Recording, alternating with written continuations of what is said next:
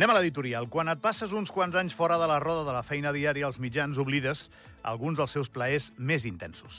Alguns són molt terrenals i alguns, em permetreu l'ironia, no acaben de ser plaents del tot, però t'atrapen tant com queda atrapada molts cops una persona segrestada per l'encant del seu captor. Allò de la síndrome d'Estocolm. Us ho explico. Quan entrevistes molta gent, i aquí entrevistem molta gent, i això val sobretot per les persones amb responsabilitats públiques, sempre hi ha un abans i un després de les entrevistes.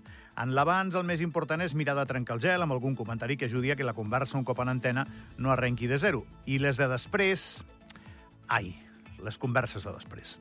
A vegades passa, a mi m'ha passat un munt de cops, i em va passar fa només uns dies, amb una persona que va passar per l'estudi, que just quan acaba l'entrevista comença a fluir una confessió que quan la conversa s'estava emetent per la ràdio no hi havia manera d'obtenir.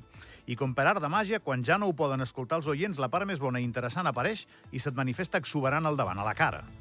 Pot ser que passi després d'un directe, com a mi, o si vas amb una gravadora un cop has acabat de fer l'entrevista. És el famós off the record i tu el pots respectar o no. Les normes del periodisme de tota la vida diuen que l'has de respectar i que el valor d'un periodista, una mica com els icebergs, no s'aprecia per allò que es veu, el que es publica, sinó per la informació que custodia. Al final, tenir la informació sempre et donarà avantatge i un bon lloc des del qual observar el que passa i col·locar correctament la mirada i de la mà la de la gent que llegeix o t'escolta. Seguirà, res, seguiré respectant un off the record, no hi ha dubte amb això, eh? va amb el meu codi. Però els anys van passant, em, va, em vaig fent gran i admeto que cada dia tinc menys ganes de rebre una confessió que després no us pugui explicar a vosaltres. Em ve menys de gust.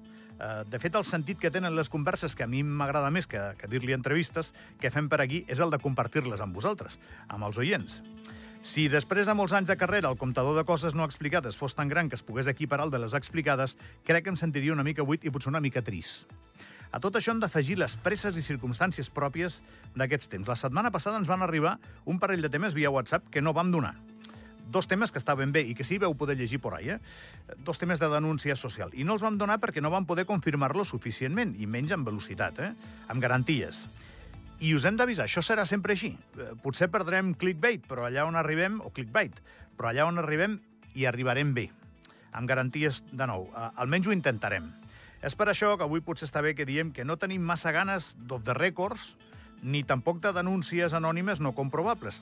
Si sou víctimes d'una injustícia, som el teu programa. Ho volem ser, almenys. Igual no ho som a dia d'avui, però remarem per ser-ho perquè som un programa per la gent d'Andorra. Volem saber la injustícia eh, que t'està assetjant i que ens l'expliquis bé per explicar-la bé després. Tens un WhatsApp a la teva disposició, 360 843. 360 843.